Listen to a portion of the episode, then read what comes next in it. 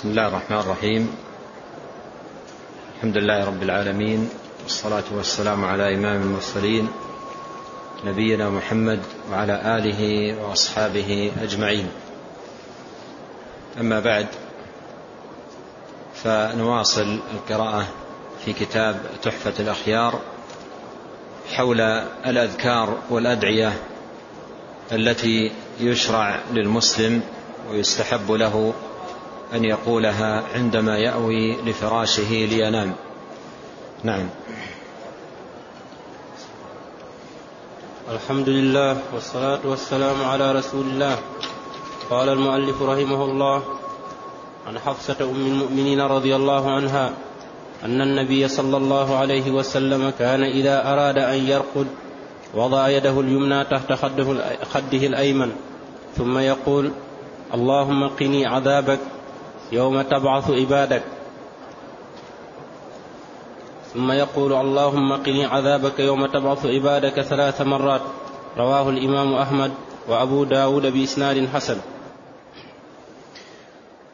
في هذا الفصل المتعلق بالأذكار التي يشرع للمسلم أن يقولها عند النوم أورد المصنف رحمه الله جملة من الأذكار والدعوات المتنوعة وقد مر معنا طرف منها وبقي بقية.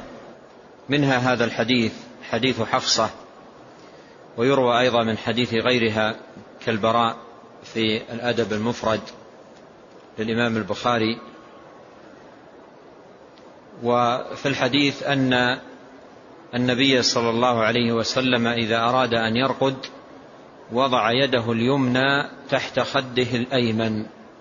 وقد عرفنا أن هذا من السنن والآداب التي يستحب للمسلم أن يفعلها عندما يأوي إلى فراشه أن يكون على طهارة وأن ينام على شقه الأيمن وأن يضع آه، خده على كفه اليمنى. ثم يسمي الله ويبدأ بالأذكار والدعوات المسنونة عن رسول الله صلوات الله وسلامه عليه. قال قالت ثم يقول اللهم قني عذابك يوم تبعث عبادك. اللهم قني عذابك يوم تبعث عبادك. قني أي نجني وسلمني من الوقاية. قني عذابك أي نجني من عذابك وسلمني من عذابك. والمراد بالعذاب عذاب يوم القيامة ولهذا قال اللهم قني عذابك يوم تبعث عبادك. اللهم قني عذابك يوم تبعث عبادك. أي يوم تبعث عبادك للمجازات والمحاسبة.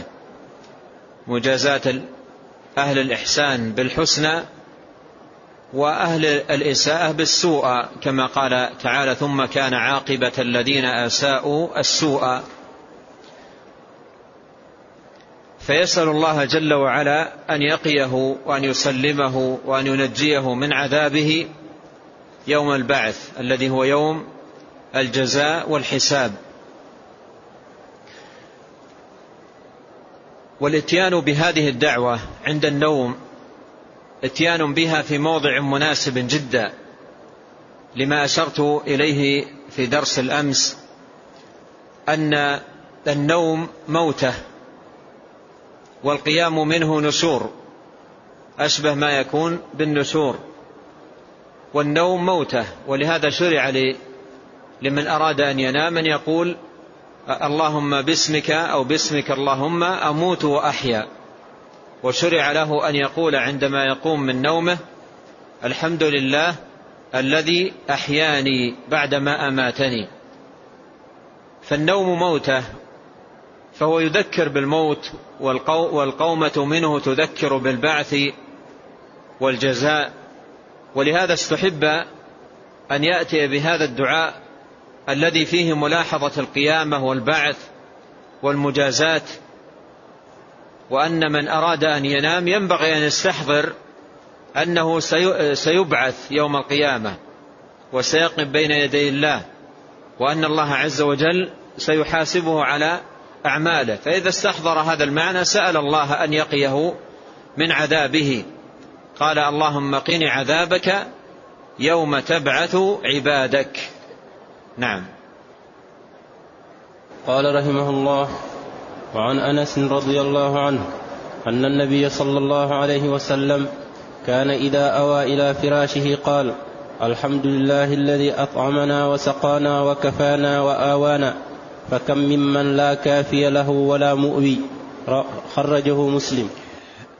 هذا الحديث حديث أنس فيه ملاحظة ما مضى من وقت الإنسان.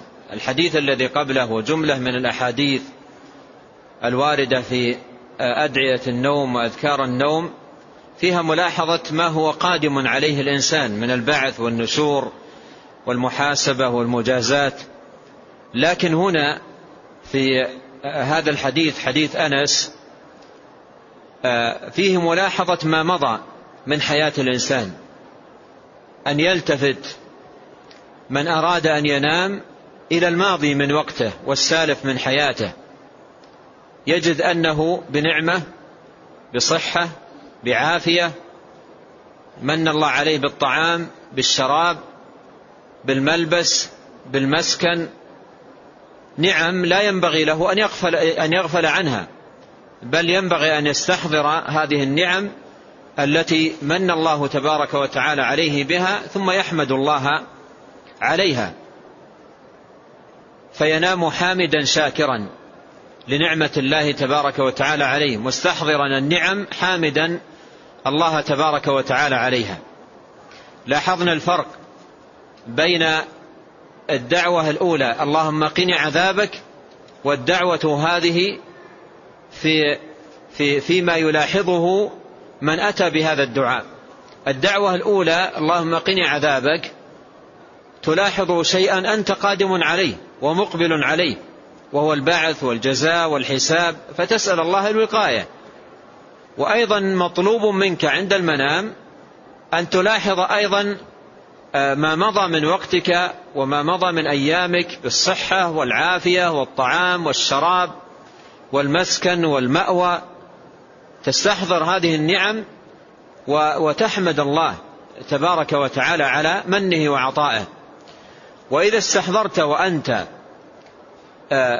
تنام آه، شبعا رويانا على فراش طيب وفي مأوى طيب ومسكن طيب. إذا استحضرت أناسا على وجه الأرض في زمانك هذا منهم من لا يجد طعاما يشبعه ومنهم من لا يجد شرابا يرويه ومنهم من لا يجد مسكنا يؤويه. في الصحراء في العراء بعضهم يموت ويلقى حتفة في في مجاعات مهلكة وفي أمراض وفي أسقام. ثم تجد نفسك أنت في منة عظيمة من الله تبارك وتعالى تنام والبطن شبع و وأنت رويان. تنام وأنت على فراش وثير وفي بيت طيب ومأوى طيب. فلا يليق بك أن ترمي رأسك على الفراش وتنام دون حمد. بل تحمد الله تستحضر هذه النعم وتحمد الله تبارك وتعالى والله سبحانه وتعالى يرضى عن عبده أن يأكل الأكلة فيحمده عليها ويشرب الشرب فيحمده عليها. فالله سبحانه وتعالى يرضى عنك ويحب الحمد من عباده. ولهذا كان مستحبا للمسلم إذا أوى إلى فراشه أن يحمد الله على الطعام يحمد الله على الشراب يحمد الله على المأوى على المسكن وفي الوقت نفسه يستحضر وهذا منصوص عليه في الحديث يستحضر أناسا لا مأوى لهم ولا مسكن لهم ولا مطعم لهم ولا مشرب لهم. هذا منصوص عليه في الحديث أن تستحضره عندما تريد أن تنام. انظروا إلى الحديث تجدون منصوصا على هذا في الحديث. فكم ممن لا كافي له ولا, ولا مؤوي. كم ممن لا كافي يعني كثير كم تأتي للتكثير. لكن أنت كفاك الله وآواك وأطعمك وسقاك ومن عليك. فجدير بالمسلم أن لا يغفل عن هذا الحمد العظيم عندما يأوي إلى فراشه. قال أنس رضي الله عنه أن النبي صلى الله عليه وسلم كان إذا أوى إلى فراشه قال الحمد لله الذي أطعمنا وسقانا وكفانا وآوانا. الحمد لله الذي أطعمنا أي من, بطعام من علينا بطعام نطعمه وشبعنا. لسنا بجياع ولسنا بهلكة وإنما عندنا الطعام وشبع ولله الحمد فيحمد الله على هذه النعمة. وسقانا أي سقانا الماء الذي يروينا. فيحمد الله عز وجل على الطعام وعلى الشراب. قال وكفانا وكفانا. أي كفانا من السرور كفانا من الآفات كفانا من الأسقام من الأمراض إلى غير ذلك. كفانا. وآوانا أي جعل, جعل لنا مأوى نأوي إليه. ومسكن نسكن فيه. نستكن فيه ونأوي إليه ونستتر فيه. وننام فيه ونطعم فيه. آوانا جعل لنا مأوى. لم يجعلنا وهذه منة الله سبحانه وتعالى على عباده. لم يجعلنا مثل البهائم في العراء. لم يجعلنا منتشرين في العراء مثل البهائم. وإنما جعل لنا سكنا والله جعل لكم من بيوتكم سكنا فجعل لنا من علينا بالبيوت والبيوت سكن يغلق الإنسان على نفسه في بيته يغلق بابه لا أحد يراه وهو في طمانينة وفي راحة مع أهله ومع أولاده وعنده طعامه وعنده شرابه فيحمد الله تبارك وتعالى على نعمة المأوى وهي نعمة عظيمة ومنة كبيرة من الله تبارك وتعالى بها على عبده. ثم يستحب للمسلم في هذا الحمد حتى يعظم حمده ويعظم استشعاره لنعمة الله تبارك وتعالى. يستحب له أن يستحضر أحوال أناس لا مطعم ولا مأوى ولا مسكن وفي مجاعات ومنهم من مات في, في, في مجاعات مهلكة وأمراض مهلكة. ولهذا قال في, في هذا الحمد في تمامه فكم ممن لا كافي له ولا مؤوي. أي كثير من, من, من هذه حالهم. لا ليس له كافي وليس له مؤوي. فلا مأوى ولا كفاية وإنما في جوع وفي عراء وفي أسقام إلى آخره. وأنت في نعمة عظيمة ومنة كبيرة من الله عليك بها الطعام والشراب والمسكن والمأوى. وهذه كلها نعم. نعم تستوجب الشكر تستوجب الحمد وتستوجب الثناء على الله تبارك وتعالى. ولهذا ينبغي على المسلم ألا يغفل عندما يأوي إلى فراشه لينام أن يحمد الله عز وجل هذا الحمد الطيب المبارك الذي كان يفعله رسول الله صلى الله عليه وسلم في كل مرة يأوي فيها إلى فراشه. الحمد لله الذي أطعمنا وسقانا وكفانا وآوانا فكم ممن لا كافي له ولا مؤوي. قال رحمه الله وعن ابن عمر رضي الله عنهما أنه أمر رجلا إذا أخذ مضجعه أن يقول اللهم خلقت نفسي وأنت تتوفاها لك مماتها ومحياها إن أحييتها فاحفظها وإن أمتها فاغفر لها اللهم إني أسألك العافية. قال ابن عمر سمعت من رسول الله صلى الله عليه سمعته من رسول الله صلى الله عليه وسلم. خرجه مسلم. جاء في بعض طرق هذا الحديث أن الرجل لما أمره ابن عمر لأنه أول الحديث أن ابن عمر أمر رجلا. قال له إذا أخذت مضجعك فقل. وذكر له الدعاء. فجاء في بعض طرق الحديث أن الرجل لما أمره ابن عمر بهذا الدعاء أو بهذا الذكر قال له الرجل سائلا أسمعت ذلك من عمر؟ أسمعت ذلك من عمر؟ يعني سمعته من والدك؟ أسمعت ذلك من عمر؟ فماذا قال له ابن عمر رضي الله عنه؟ قال سمعته من خير من عمر سمعته من رسول الله صلى الله عليه وسلم. قال له الرجل أسمعت ذلك من عمر؟ يعني هل سمعت هذا الدعاء من من عمر من والدك؟ قال لا سمعته من خير من عمر. سمعته من رسول الله صلى الله عليه وسلم. آه، جاء في في هذا الحديث أن عمر ابن عمر رضي الله عنه أمر رجلا. قال إذا أخذت أمر رجلا إذا أخذ مضجعه. هذه نستفيد منها فائدة. حرص الصحابة على نشر الخير وتعليم السنة. حرص الصحابة رضي الله عنهم على نشر الخير وتعليم السنة.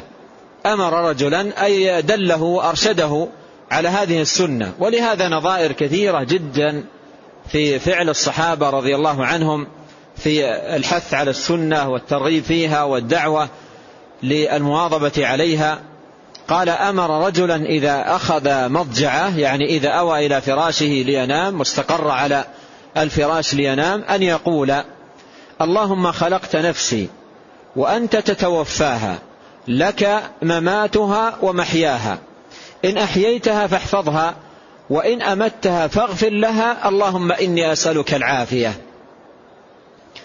هنا هذا الحديث فيه دعاء لله تبارك وتعالى دعاء من العبد يسأل فيه ربه تبارك وتعالى أن يحفظه إن كتب له حياة وأن يرحمه إن كتب له وفاة وأن يمن عليه بالعافية.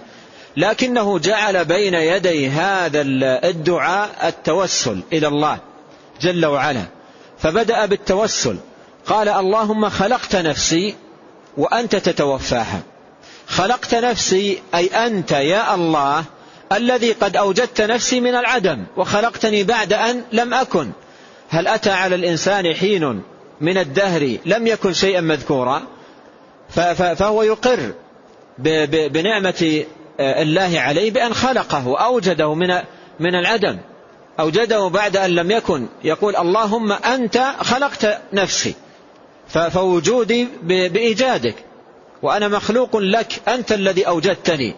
اللهم أنت اللهم خلقت نفسي وأنت تتوفاها.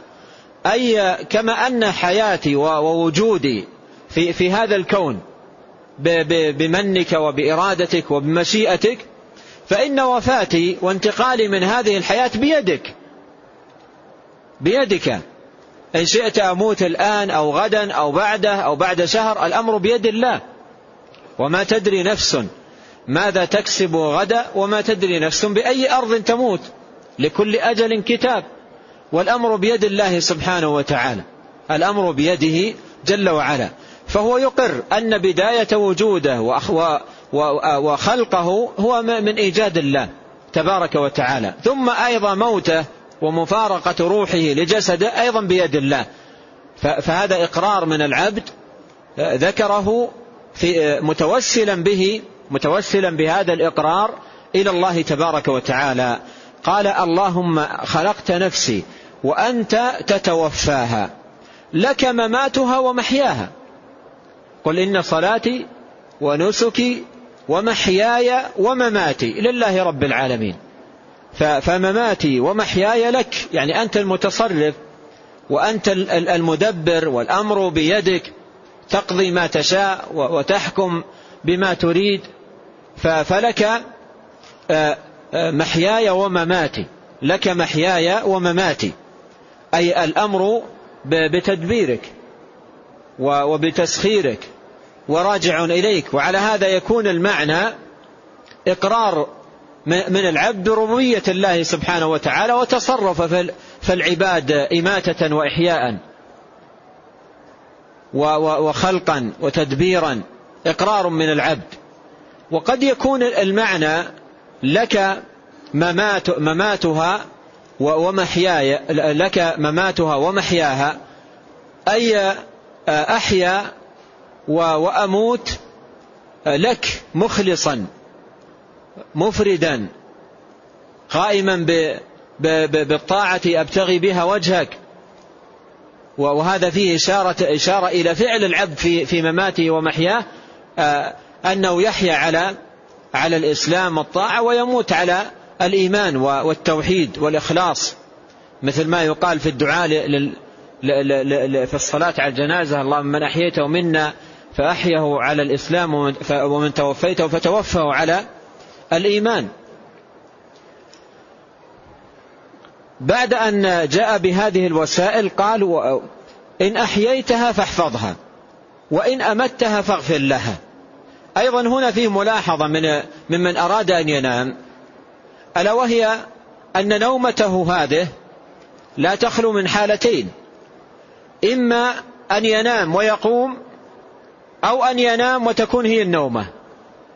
إما أن ينام ويقوم أو ينام وتكون هي النومة. كم من إنسان نام وكان يؤمل أمورا كثيرة يفعلها في الصباح ولكنه لم يدرك الصباح.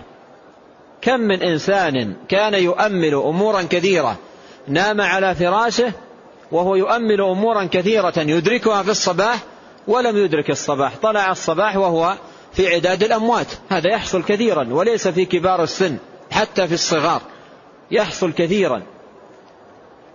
فمن ينام لا يخلو من حالتين إما أن ينام ويقوم يمن الله عليه بالقومة بعد النوم ويعطيه فسحة في عمره أو أنه ينام وتكون هي النومة لا يقوم بعدها إلا للبعث يوم القيامة. فينبغي على من أوى إلى فراشه لينام أن يلحظ هذين الأمرين وأن نومته هذه لا تخلو من حالتين إما أن يقوم منها أو لا يقوم.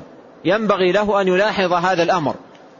ولا يكون عنده طول أمل ويقول أنا سأعيش ستين سنة ثلاثين سنة أربعين سنة طول الأمل هو الذي ضيع العمل وضيع الطاعة. فينام وهو لا يدري. قد قد لا يقوم غدا وقد يقوم. الأمر بيد الله سبحانه وتعالى. ولهذا يقول هنا إن أحييتها فاحفظها. يعني إن كتبت لها حياة إن كتبت لنفسي حياة بعد هذه النومة وفسحة في العمر فاحفظها. أي بما تحفظ به عبادك الصالحين. وإن أمتها يعني إن, إن كتبت لها موتا في, في هذه النومة فاغفر لها. إن كانت حياة فيطلب الحفظ وإن كان موتا فيطلب المغفرة. قال اللهم إني أسألك العافية. وقد عرفنا قريبا أن العافية من أعظم المطالب وأجلها وكثيرا ما تأتي في دعوات النبي عليه الصلاة والسلام ومن أوتي العافية فقد أوتي الخير كله. نعم. قال رحمه الله وعن أبي هريرة رضي الله عنه أن رسول الله صلى الله عليه وسلم قال إذا أوى أحدكم إلى فراشه فليأخذ داخلة إزاره فلينفض بها فراشه وليسم الله فإنه لا يعلم ما خلفه بعده على فراشه. فإذا أراد أن يضطجع فليضطجع على شقه الأيمن وليقل سبحانك اللهم ربي بك وضعت جنبي وبك أرفعه. إن أمسكت نفسي فارحمها وإن أرسلتها فاحفظها بما تحفظ به عبادك الصالحين. متفق عليه واللفظ لمسلم. ثم أورد هذا الحديث حديث أبي هريرة وفي جملة منه موافق للحديث السابق. يقول أبو, يقول أبو هريرة رضي الله عنه أن الرسول صلى الله عليه وسلم إذا أوى قال إذا أوى أحدكم إلى فراشه يعني إذا ووصل إلى الفراش يريد أن ينام فليأخذ داخلة إزاره فلينفض بها فراشه. وهذه من السنن. والآداب التي يستحب أن يفعل أن يفعلها من أوى إلى فراشه. أن ينفض الفراش بداخلة إزارة أي بطرف الإزار. والإزار هو الجزء الذي يلف أو, أو القطعة من القماش التي يلف بها جزء البدن الأسفل والذي يوضع على الجزء الأعلى من الفراش الرداء. إزار ورداء مثل ما يلبس في الحج. الرداء هو الذي يجعل على أعلى البدن والإزار هو الذي يتزر به ويجعل في أسفل البدن. وداخلة الإزار أي طرف الإزار عندما تحل طرفا من تجد جزءا ممتدا قليلا فينظف به ينفض به طرف بطرف إزاره أو بداخلة إزاره ينفض به الفراش. وذكر العلة في ذلك قال نعم قال فإنك فإنه لا يعلم ما خلفه بعده على فراشه. يعني قد يكون خلفه على فراشه شيء مؤذي من الأوساخ أو مثلا حشرة أو أو دابة أو شيء من هذا. فإنه لا يدري ما الذي خلفه على فراشه فينفض على يعني ينفض بداخلة إزاره الفراش حتى إن كان خلفه شيء على على على فراشه يكون قد زال بهذا النفض. قال إذا أوى أحدكم إلى فراشه فليأخذ داخلة إزاره داخلة إزاره وربما خص داخلة الإزار. حتى لو كان فيه شيء من التراب أو شيء لا تكون ظاهرة آه، في خارج الإزار وإنما تكون في الشيء المخفي الذي هو داخل داخلة الإزار. ربما يكون الأمر لذلك. قال فليأخذ داخلة إزاره فلينفض بها فراشه. وليسمي الله. وقد مر معنا في التسمية أحاديث وهذا فيه أن التسمية يبدأ بها. عندنا في أذكار النوم جملة كبيرة من الأذكار لكن السنة أن تبدأ بالتسمية. أول ما تبدأ تسمي. أول ما تبدأ تسمي تقول بسم الله أو تقول بسم الله باسمك اللهم أموت وأحيا. فتبدأ أول ما تبدأ بالتسمية. أو تقول ما مثل ما جاء في بعض الأحاديث باسمك اللهم وضعت جنبي وبك أرفعه. تسمي فأول ما تبدأ به التسمية. قال وليسمي فإنه لا يعلم ما خلفه بعده على فراشه. فإذا أراد أن يضطجع فليضطجع على شقه الأيمن. وعرفنا أن هذا من السنة أن يضطجع الإنسان على شقه الأيمن. أنبه مرة ثانية على ما ذكرته مسبقا في الدرس الماضي. بعض الناس ربما لا, لا, لا يحتمل طول البقاء على على الشق الأيمن واضعا يده تحت خده. وربما بعض الناس يتعب ربما يكون كذلك. بعض الناس قد تكون نومة مريحة له جدا وبعض الناس ربما أنه يتعب. فالذي ينبغي له أول ما يضطجع يضطجع على هذه الهيئة. أول ما يضطجع أول ما يأوي إلى فراشه يضطجع. قال فإذا أراد, أراد أن يضطجع فليضطجع على شقه الأيمن. يعني تبدأ النوم بهذه الصفة. مضطجعا على شقك الأيمن مسميا واضعا يدك آه، تحت خدك يدك اليمنى تحت خدك الأيمن. تضطجع على هذه الآية ثم تبدأ بالأذكار. إن تمكنت من المواصلة تواصل وإن لم تتمكن وانقلبت على على على جنب آخر فلا حرج إن شاء الله. لكن الأولى هي هذه الهيئة. وأقول ذلك حتى لا آه، يأتي آه، إنسان ويقول هذه هيئة آه، ثقيلة عليه فيتركها كلية. وهذا خطأ. إذا إذا كنت إذا كنت لا لا لا لا, لا تصبر على هذه الهيئة فلا تتركها كلية. طبق السنة واجتهد ما استطعت. وأذكر بهذه المناسبة في بقول النبي عليه الصلاة والسلام سددوا وماذا؟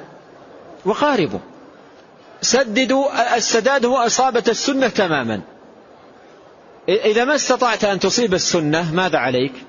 قارب أما أن الإنسان أول ما ياوي إلى فراشه ينام على شقه الأيسر أو بعضهم والعياذ بالله أول ما ياوي إلى فراشه ينام على بطنه هيئة محرمة منهي عنها. فالذي ينبغي الإنسان أن يعود نفسه على السنة ويصبر آه، نفسه عليها ينام على شقه الأيمن يده تحت خده الأيمن يسمي يبدأ بالأذكار إن, إن, إن, إن واصل فبها وإن انقلب على ظهره أو على جنبه الأيسر فلا حرج عليه لكن يحرص تمام الحرص على تطبيق السنة. قال وليقل قال وليقل سبحان الله وليقل سبحانك اللهم ربي بك وضعت جنبي. سبحانك اللهم ربي بك وضعت جنبي. هنا ذكر التسبيح والتسبيح عرفناه التسبيح هو تنزيه الله تبارك وتعالى عما لا يليق به. فمن السنة تسبيح الله تبارك وتعالى في هذا الموضع كما ثبت في في هذا الحديث. وليقل سبحانك اللهم ربي. وهذا فيه الإقرار بربوبية الله تبارك وتعالى. سبحانك اللهم ربي بك وضعت جنبي وبك أرفعه. ولاحظ هذا هذه الاستعانة العظيمة من العبد بالله تبارك وتعالى. بك وضعت جنبي. أي بمنك وعونك وتيسيرك وتوفيقك وضعت جنبي على الفراش. بك وضعت جنبي. من الناس من لا يستطيع أن يضع من الناس من لا يستطيع أن أن يضع جنبه على فراشه. لا يستطيع أن يضع جنبه على فراشه. من الناس أنا رأيت مرة شخصا نحمد الله عز وجل على نعمه مرة رأيت شخصا في أحد المستشفيات أكمل سنة كاملة وهو مسجى على ظهره. أكمل سنة كاملة وهو مسجى على ظهره. ما يستطيع أن يتغير عن هذه الهيئة تماما ولا أن يتحرك لا يقتلب يمين ولا يسار. فأنت تستشعر منة الله عليك وعونه لك بك وضعت جنبي. تضع جنبك بمعونة الله وتوفيقه وتخلص الاستعانة به تبارك وتعالى واستشعار أيضا منة الله تبارك وتعالى عليك بذلك. بك وضعت جنبي. وبك أرفعه. عندما تقوم من, من, من, الفراش قومتك من فراشك بعون الله. لولا عون الله تبارك وتعالى لك ما تستطيع أن تقوم من فراشك. كم من إنسان نام كم من إنسان نام ثم أصبح وهو حي يرزق لكن ما يستطيع أن يقوم من فراشه. وهذا يحصل لكثير. بك وبك أرفع يعني قومتي من فراشي بصحة وعافية هذه بك بمنك وعونك وتوفيقك وتيسيرك فالعبد يستحضر ذلك عندما يأوي إلى فراشه. قال سبحانك اللهم ربي بك وضعت جنبي وبك أرفعه. ثم يسأل الله مثل ما جاء في الحديث الذي قبله إن أمسكت نفسي فارحمها.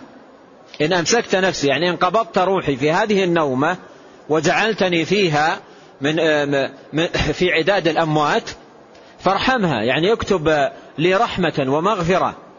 إن أمسكت نفسي فارحمها.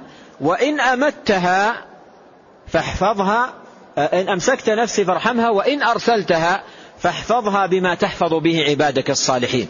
إن أرسلتها يعني إن كتبت لي حياة بعد, هذه بعد هذا النوم فاحفظها بما تحفظ به عبادك الصالحين. يسأل الله, الله عز وجل أن يكتب له حفظا بما يحفظ به عباده الصالحين. نعم. قال رحمه الله وعن علي رضي الله عنه أن فاطمة رضي الله عنها أتت النبي صلى الله عليه وسلم تسأله خادما فلم تجده ووجدت عائشة رضي الله عنها فأخبرتها قال علي فجاءنا النبي صلى الله عليه وسلم وقد أخذنا مضاجعنا فقال ألا أدلكما على ما هو خير لكما من خادم؟ إذا أويتما إلى فراشكما فسبها ثلاثا وثلاثين واحمدا ثلاثا وثلاثين وكبرا أربعا وثلاثين فإنه خير لكما من خادم. قال علي فما تركتهن منذ سمعتهن من رسول الله صلى الله عليه وسلم. متفق عليه. ثم أورد المصنف رحمه الله هذا الحديث المتفق عليه من حديث علي بن أبي طالب رضي الله عنه وأرضاه أن فاطمة بنت النبي صلى الله عليه وسلم رضي الله عنها أتت النبي صلى الله عليه وسلم تسأله خادما فلم تجده يعني ما وجدته في البيت. والخادم هذه تطلق على الذكر وعلى الأنثى. يقال خادم للذكر ويقال خادم أيضا للمرأة الأنثى يقال خادم. قال تسأله خادما فلم تجده. يعني لم تجد النبي صلى الله عليه وسلم في البيت. ووجدت عائشة رضي الله عنها فأخبرتها. أخبرتها أنها تحتاج النبي عليه الصلاة والسلام في أمر أو ربما أنها أيضا أخبرتها أنها تحتاج آه، أن النبي صلى الله عليه وسلم يعطيها خادما. فأخبرتها أي أخبرتها بذلك. قال علي فجاءنا النبي صلى الله عليه وسلم. وهذا من لطف النبي عليه الصلاة والسلام وإحسانه صلوات الله وسلامه عليه وعنايته بأولاده وأهل بيته. أحس أن ابنته تحتاج شيئا. جاءته في البيت ما وجدته؟ فذهب لها إلى بيتها. أتاها في بيتها. لم يبقى قال هي صاحبة الحاجة متى ما أرادت تأتي مرة ثانية وتجدني إن شاء الله. وإنما مجرد ما أحس عليه الصلاة والسلام أنها تحتاج إليه ذهب إليها في بيتها. انظر هذا اللطف وهذا الإحسان الذي يعجز عنه كثير. ربما يشعر أو تأتي ابنته أو ولده إلى البيت وهو في حاجة إليه في أمر ما قد يصد عنه. قد يصد عنه وقد لا يريه من نفسه إن عرف أنه محتاج, محتاج أمرا. فهذا نبي الله عليه الصلاة والسلام القدوة. جاءت إلى بيته تسأله خادما ما وجدته وأخبرت عائشة رضي الله عنها قال علي فجاءنا النبي صلى الله عليه وسلم. يعني جاءنا في البيت إلى حد البيت. جاءنا في بيتنا وقد أخذنا مضاجعنا. وقد أخذنا مضاجعنا. وربما أن, أن هذا المجيء كان على الفور مجرد ما رجع النبي عليه الصلاة والسلام أتاهم. وكان الوقت ليل وأخذوا مضاجعهم. ما انتظر؟ قال أيضا الآن ناموا أذهب لهم في الصباح. وهذا فيه المبادرة وهذا من كمال إحسانه عليه الصلاة والسلام. قال فأتانا وقد أخذنا مضاجعنا. فقال ألا أدلكما على ما هو خير لكما من خادم؟ قوله هنا ألا أدلكما على ما هو خير لكما من خادم يدل على أن قولها آه، آه، قوله آه، فأخبرتها أي أخبرتها بالحاجة أننا نريد خادم. أننا نريد خادما. فعرف الطلب وعرف الحاجة وجاء عليه الصلاة والسلام إليهما في البيت وقال ألا أدلكما. على ما هو خير لكما من خادم. وانظر أيضا الأسلوب اللطيف في البيان والتوضيح. ما قال لهما ما جاء في البيت وقال سبحا ثلاثا وثلاثين وكب واحمدا ثلاثا وثلاثين وكبر أربعا وثلاثين فإن هذا خير لكما من خادم. ما قال هذا. وإنما هم بحاجة إلى خادم بحاجة إلى خادم فشوقهم عليه الصلاة والسلام بهذا الأسلوب العظيم. قال ألا أدلكما على ما هو خير لكما من خادم؟ يعني هل أدلكم على شيء أفضل لكم من أن يكون عندكم في البيت خادم يخدمكم؟ في شيء أفضل من هذا أتريدونه؟ وهم جاءوا إليه في البيت يريدون خادما الجواب سيكون ماذا؟ سيكون نعم. مع أيضا شوق ورغبة وحرص على معرفة هذا الأمر الذي هو خير لهم آه، لهما من خادم. فقال ألا أدلكما على ما هو خير لكما من خادم؟ ثم أخبرهما قال إذا أويتما إلى فراشكما فسبحا ثلاثا وثلاثين وكبر أربعا فسبحا ثلاثا وثلاثين واحمدا ثلاثا وثلاثين وكبر أربعا وثلاثين. هكذا عندكم؟ واحمد ساقطة عندي. فسبح ثلاثا وثلاثين واحمد أربع ثلاثا وثلاثين وكبر أربعا وثلاثين فإنه خير لكما من خادم. فإنه خير لكما من خادم. العلماء رحمهم الله ومنه شيخ الإسلام ابن تيمية أخذوا من هذا الحديث أن التسبيح والتحميد والتكبير يعطي الجسم قوة. واضح ولا غير واضح؟ يعطي الجسم قوة.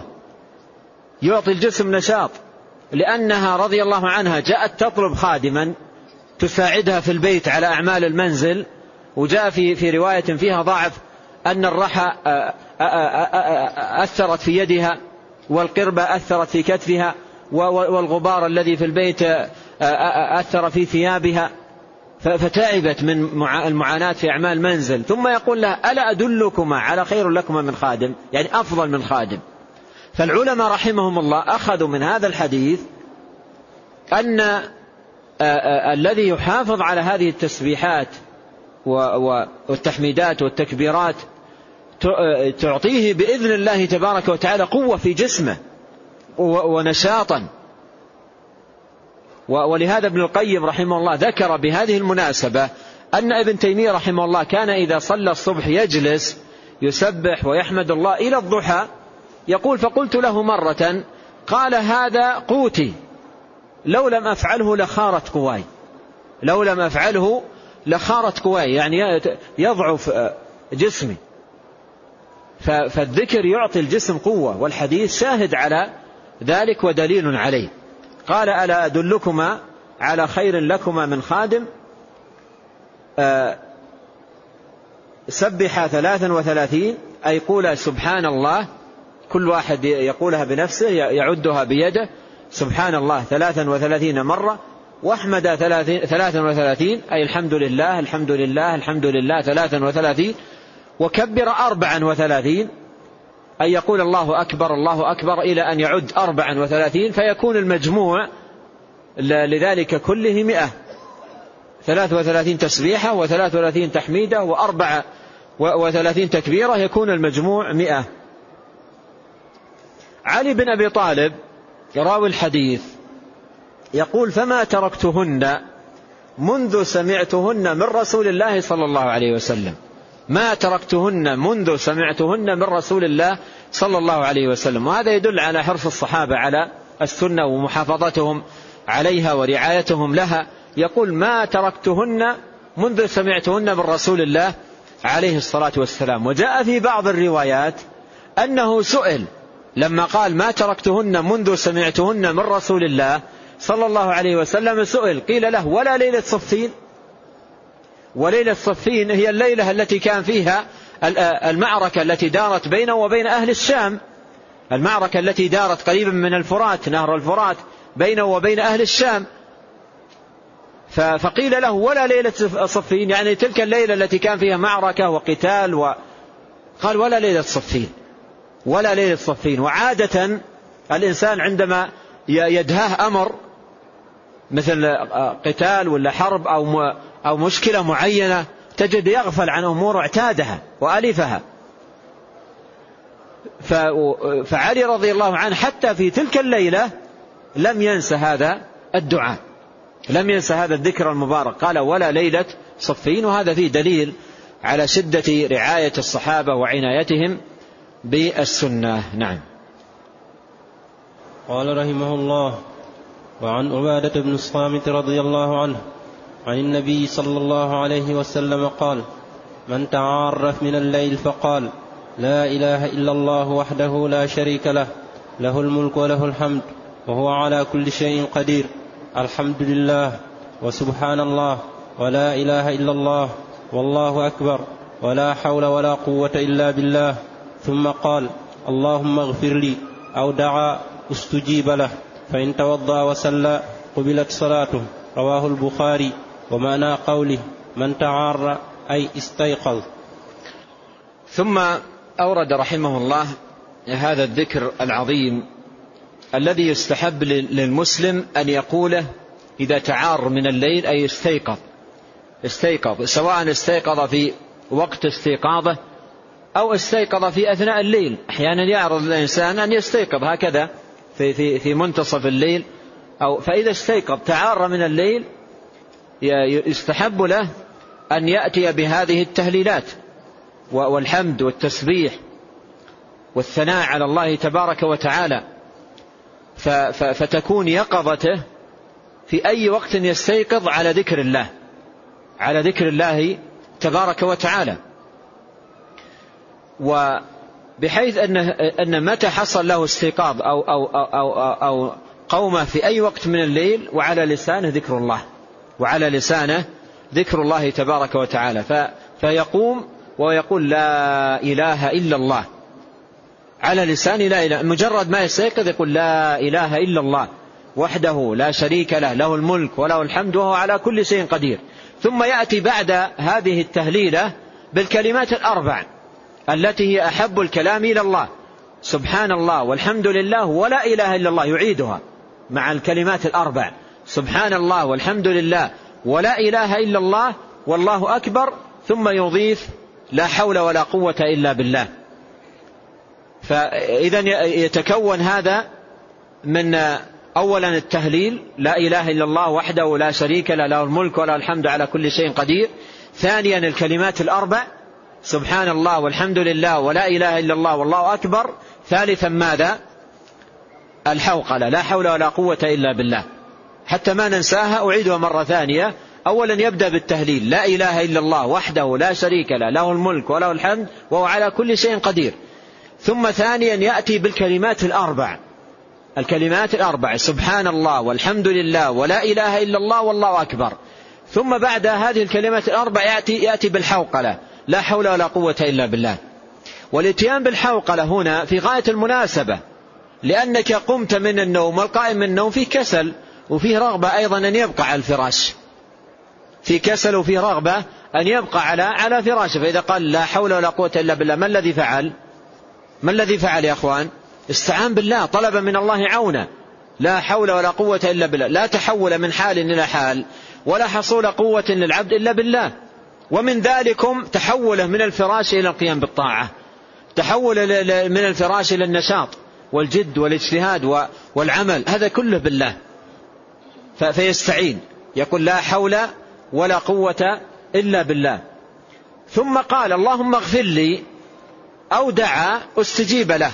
قوله اللهم اغفر لي أو دعا ليس للشك وإنما للتنويع. يعني سواء قال اللهم اغفر لي أو أنه دعا الله سبحانه وتعالى بأي حاجة من حاجاته استجيب له. لأنه قام على ذكر الله وتحميده وتسبيحه والثناء عليه لم يقم غافلا. لم يقم من نومه غافلا وإنما قام على التهليل والتحميد والتسبيح و فمن كان بهذه الحال حري إذا استغفر غفر له وإذا دعي استجيب له. فيكون مستجاب الدعاء في هذا المقام العظيم. قال فإذا ثم قال اللهم اغفر لي أو دعا استجيب له فإن توضأ وصلى قبلت صلاته. قبلت صلاته لأن لأن بين يدي هذه الطاعة الكبيرة آه، آه، ذكر وتحميد وتمجيد وثناء على الله تبارك وتعالى حتى كان الإنسان بهذه الحال. العلماء يقولون أن هذا الذكر هذا الذكر العظيم لا يتيسر للإنسان أن يقوله إذا تعار من الليل إلا متى؟ أجيلوا الأمر في خواطركم إلا متى؟ متى يتيسر الإنسان أن مجرد ما يستيقظ يبدأ يهلل؟ إذا كان عود نفسه على الذكر إذا عود نفسه على على الذكر وأصبح قلبه آه، شغوف بالذكر حريص عليه. فهو ينام على ذكر الله وأول ما يقوم من نومه أول ما يقوم من نومه لا يخطر في باله شيء ولا يرد في ذهنه شيء إلا ماذا؟ إلا ذكر الله. أما إذا نام الإنسان وقلبه ممتلئ بأفكاره وبالدنيا وبالتجارة وب... تجده يقوم من النوم يقول ستة في خمسة بكم؟ ولا يحسبها يبدأ يحسب حسابات. أو الأسهم إذا كان من أصحاب الأسهم. يقوم ويمسك القلم ويبدأ يحسب الأسهم كم وكم الأرباح وكم ف ف ف لكن الشخص الآخر الذي ينام ينام وذكر الله عز وجل هو الذي يشغل قلبه فينام على الذكر يقوم يقوم من نومته وليس في ذهنه إلا الذكر ليس في ذهنه ولهذا هذا الأمر لا يتيسر لا يتيسر إلا بالمواظبة على ذكر الله. لا يتيسر إلا بالمواظبة على على ذكر الله. ابن حجر رحمه الله في فتح الباري أورد عن الفربري أحد رواة الصحيح أحد رواة صحيح البخاري يقول آه، اعتدت يقول الفربري اعتدت على أنني آه، أول ما أقوم من النوم أتي بهذه التهليلة. اعتدت. أنني أول ما أقوم من النوم أول ما أتعار من الليل وأستيقظ أتي بهذه التهليلة لا إله إلا الله وحده إلى آخره. يقول فنمت يوما. فسمعت في المنام. قائلا يقول وهدوا إلى الطيب من القول وهدوا إلى صراط الحميد. ولا شك أن الذي يوفق لهذا الذكر هدي للطيب من القول. بل هذا أطيب القول وأزكاه وأعظمه وأرفعه.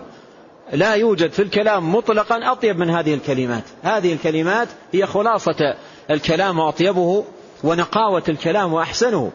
لا إله إلا الله وحده لا شريك له له الملك وله الحمد وعلى كل شيء قدير. سبحان الله والحمد لله ولا إله إلا الله والله أكبر ولا حول ولا قوة إلا بالله. لا يوجد في الكلام مطلقا أحسن من هذا الكلام.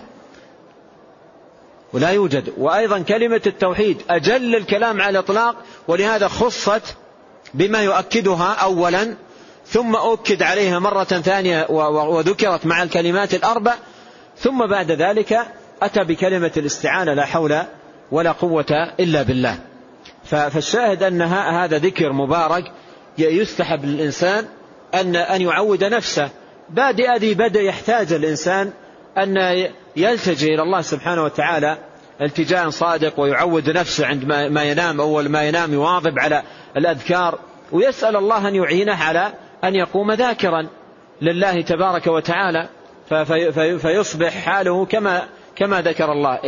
إن في خلق السماوات والأرض واختلاف الليل والنهار لآيات لأولي الألباب الذين يذكرون الله قياما وقعودا وعلى جنوبهم ويتفكرون في خلق السماوات والأرض.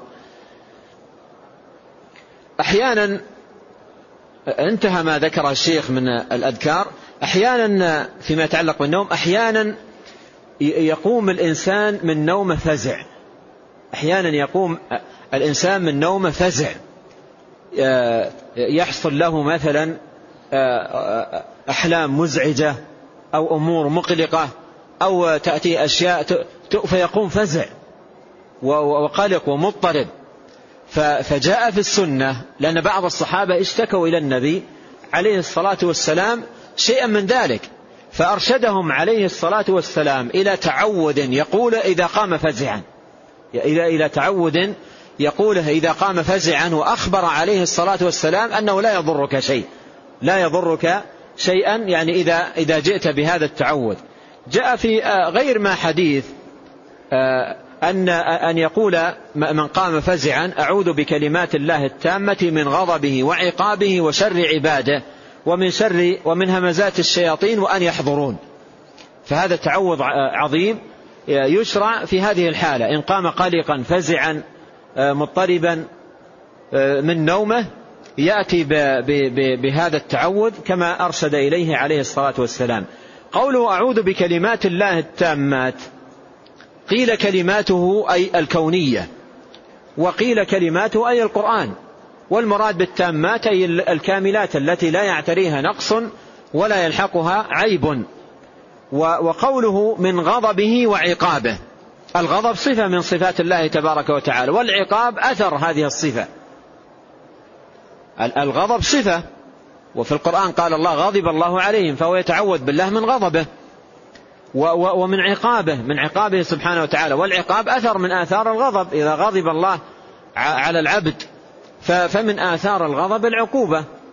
وليس وليست العقوبة هي الغضب. الغضب العقوبة أثر الغضب. والذي يقول في غضب الله عليهم أي عاقبهم هذا تأويل باطل. وهذا الحديث يدل على أنه تأويل باطل لأنه قال من غضبه وماذا؟ وعقابه. فالعقاب شيء آخر هو أثر وأثر من آثار آه، غضب الله على عبده أن أن يعاقبه. قال من غضبه وعقابه وشر عباده وقوله وشر عباده المراد بالعباد هنا العبودية لربوبية الله وهم جميع مخلوقاته. إن كل من في السماوات والأرض إلا آت الرحمن عبدا فكلهم عباد لله. ليس المراد بهنا عبادة المطيعين وإنما المراد بالعبادة خلقه سبحانه وتعالى لأن عباد عباد الله تارة يراد بها عباده أي أهل طاعته وتارة يراد بها عباده أي من خلقهم وأوجدهم سبحانه وتعالى. والمراد بقوله هنا وشر عباده أي شر العباد الذين خلقهم الله سبحانه وتعالى. قال ومن همزات الشياطين ومن همزات الشياطين. وهمزات الشياطين هي ما ما يلقيه الشيطان في في نفس الإنسان من أمور أو أشياء أو وساوس أو خطرات تقلقه وتحزنه أو أن يحضرون. فتعوذ من من من الهمزات وتعوذ أيضا من حضور الشياطين إلى إلى إلى مكانه ومجلسه. فأخبر عليه الصلاة والسلام أن من أتى بهذا لا يضره شيء.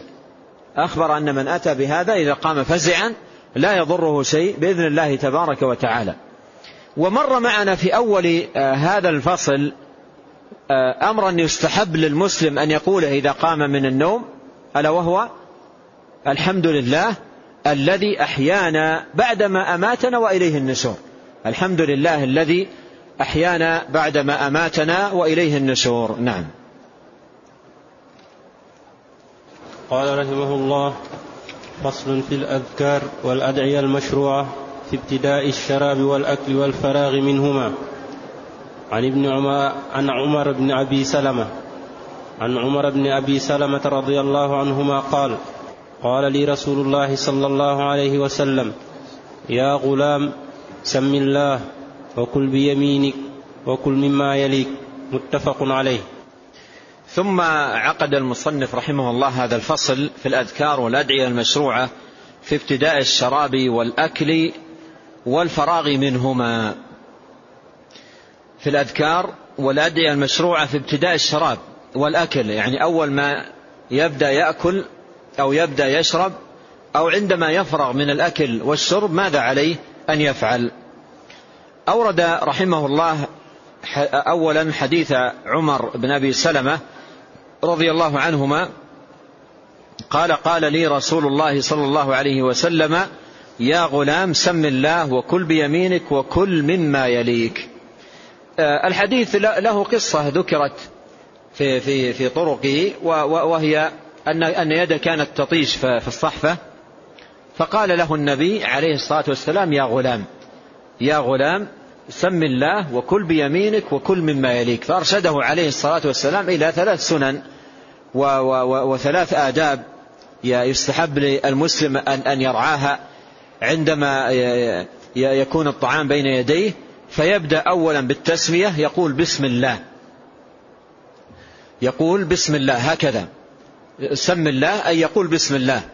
وزيادة بسم الله الرحمن الرحيم. زيادة الرحمن الرحيم في, في مثل هذا الموضع. لم يأتي بها حديث.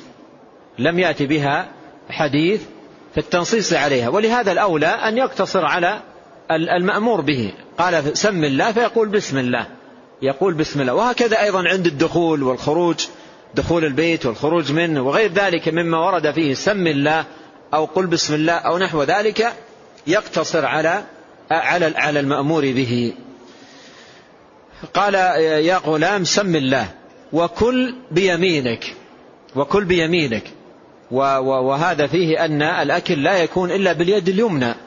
الأكل لا يكون إلا باليد اليمنى ولا يحل الإنسان أن يأكل بيده اليسرى.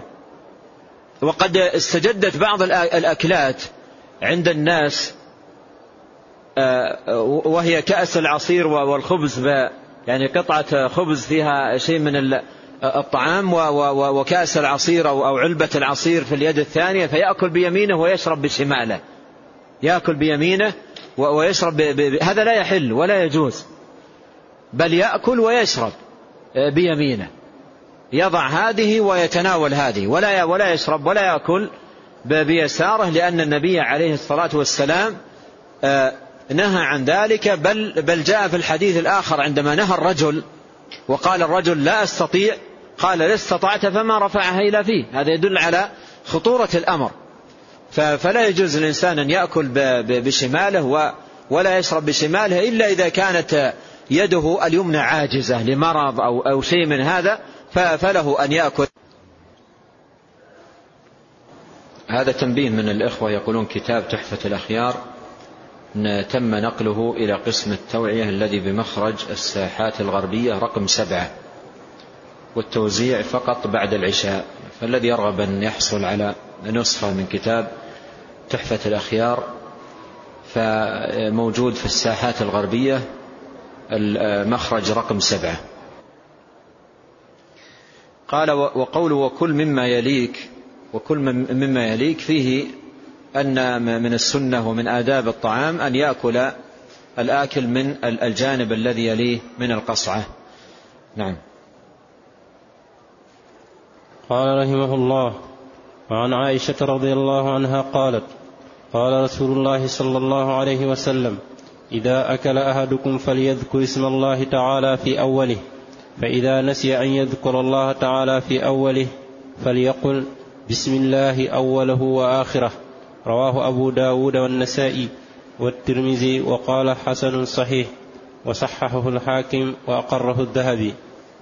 ثم أورد هذا الحديث حديث عائشة رضي الله عنها أن النبي صلى الله عليه وسلم قال إذا أكل أحدكم فليذكر اسم الله تعالى في أوله أي ليقل في أول الطعام بسم الله وهذا فيه دلالة على أن التسمية يؤتى بها في أول البدء يعني قبل أن يضع اللقمة في فمه وقبل أن يضع الشراب في فمه أول ما يبدأ يسمي يقول بسم الله. فليذكر اسم الله تعالى في أوله. قد ينسى الإنسان التسمية في أول الطعام. قال فإن نسي أن يذكر الله تعالى في أوله فليقل بسم الله أوله وآخره يعني أول الطعام وآخر الطعام. وهذا في حق من نسي. وهذا في حق من نسي. أما التسمية فمحلها أول الطعام قبل أن يبدأ عند إرادة البدء بالطعام أو الشراب يبدأه بالتسمية. وقد جاء في حديث في سنن أبي داود وغيره لم يثبت سنده ضعيف أن أن رجلا كان يأكل بين يدي النبي عليه الصلاة والسلام ونسي التسمية ونسي التسمية حتى لم يبقى إلا لقمة واحدة من الطعام. فقال بسم الله. فقال بسم الله فضحك النبي عليه الصلاة والسلام ثم قال إن الشيطان استقاء كل ما أكله. قال إنه منذ بدأ والشيطان يأكل معه. فلما قال بسم الله أوله وآخره استقاء الشيطان كل ما في بطنه وفي الحديث قال فضحك النبي عليه الصلاة والسلام. هذا الحديث سنده ضعيف لم يثبت عن النبي عليه الصلاة والسلام. لكن قول الآكل إذا نسي بسم الله أوله وآخره هذا ثابت. بسم الله أوله وآخره هذا ثابت في هذا الحديث الذي أورده المصنف رحمه الله. أما تلك الرواية فهي ضعيفة الإسناد. قال رحمه الله وعن أنس رضي الله عنه قال قال رسول الله صلى الله عليه وسلم إن الله ليرضى عن الأبد أن يأكل الأكلة فيحمده عليها أو يشرب الشربة فيحمده عليها. رواه مسلم. ثم أورد رحمه الله هذا الحديث وفيه حمد الله عز وجل عند الفراغ من الطعام أو الشراب. والإخبار أن الله والإخبار أن الله سبحانه وتعالى يرضى عن عبده. أن يأكل الأكلة فيحمد فيحمده عليها ويشرب الشرب فيحمده عليها. فهذا فيه رضا الله سبحانه وتعالى عن عبده. والحمد لا يكلف الإنسان شيئا. كلمة يسيرة خفيفة على اللسان يأتي بها عندما يفرغ من طعامه أو عندما يفرغ من شرابه يحمد الله تبارك وتعالى. يقول الحمد لله أو يأتي بالصيغ. سيأتي معنا عند المصنف رحمه الله صيغتان من الحمد. سيأتي صيغتان من الحمد يستحب للمسلم أن يقولها عندما يفرغ من الطعام. فإذا كان يحفظ شيئا من هذه الصيغ يأتي به وإذا كان لا يحفظها لا يفوت أن يقول ماذا؟ الحمد لله. ويستحب للمسلم أن يحفظ هذه الصيغ وينوع بينها. مرة يأتي بهذه ومرة يأتي بهذه. وإذا كان لا يحفظها فلا يفوت أن يختم طعامه وشرابه بحمد الله تبارك وتعالى مستحضرا نعمة الله عليه بالطعام والشراب. نعم.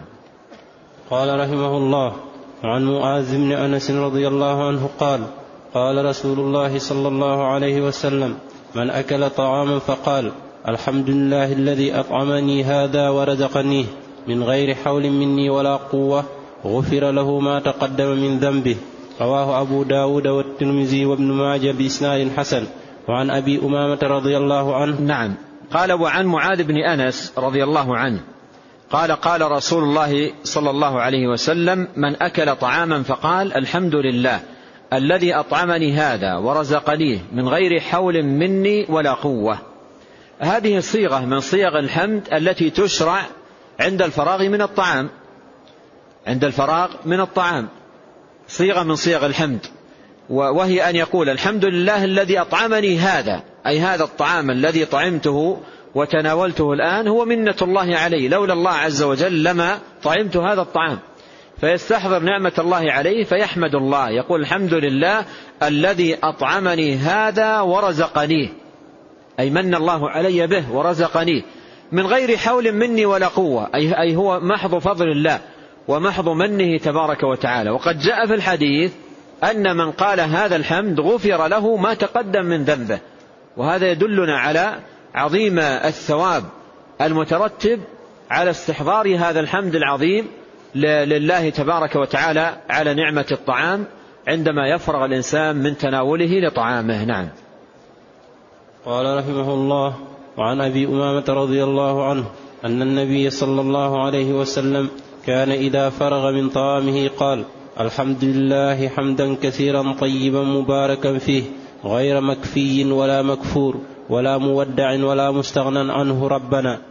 رواه البخاري في صحيحه. ثم ختم بهذا الحديث وهو مشتمل أيضا على صيغة من صيغ الحمد لله تبارك وتعالى بعد الفراغ من الطعام أن يقول الحمد لله حمدا كثيرا طيبا مباركا فيه وقوله حمدا كثير قوله كثيرا طيبا مباركا فيه كل هذه صفات للحمد.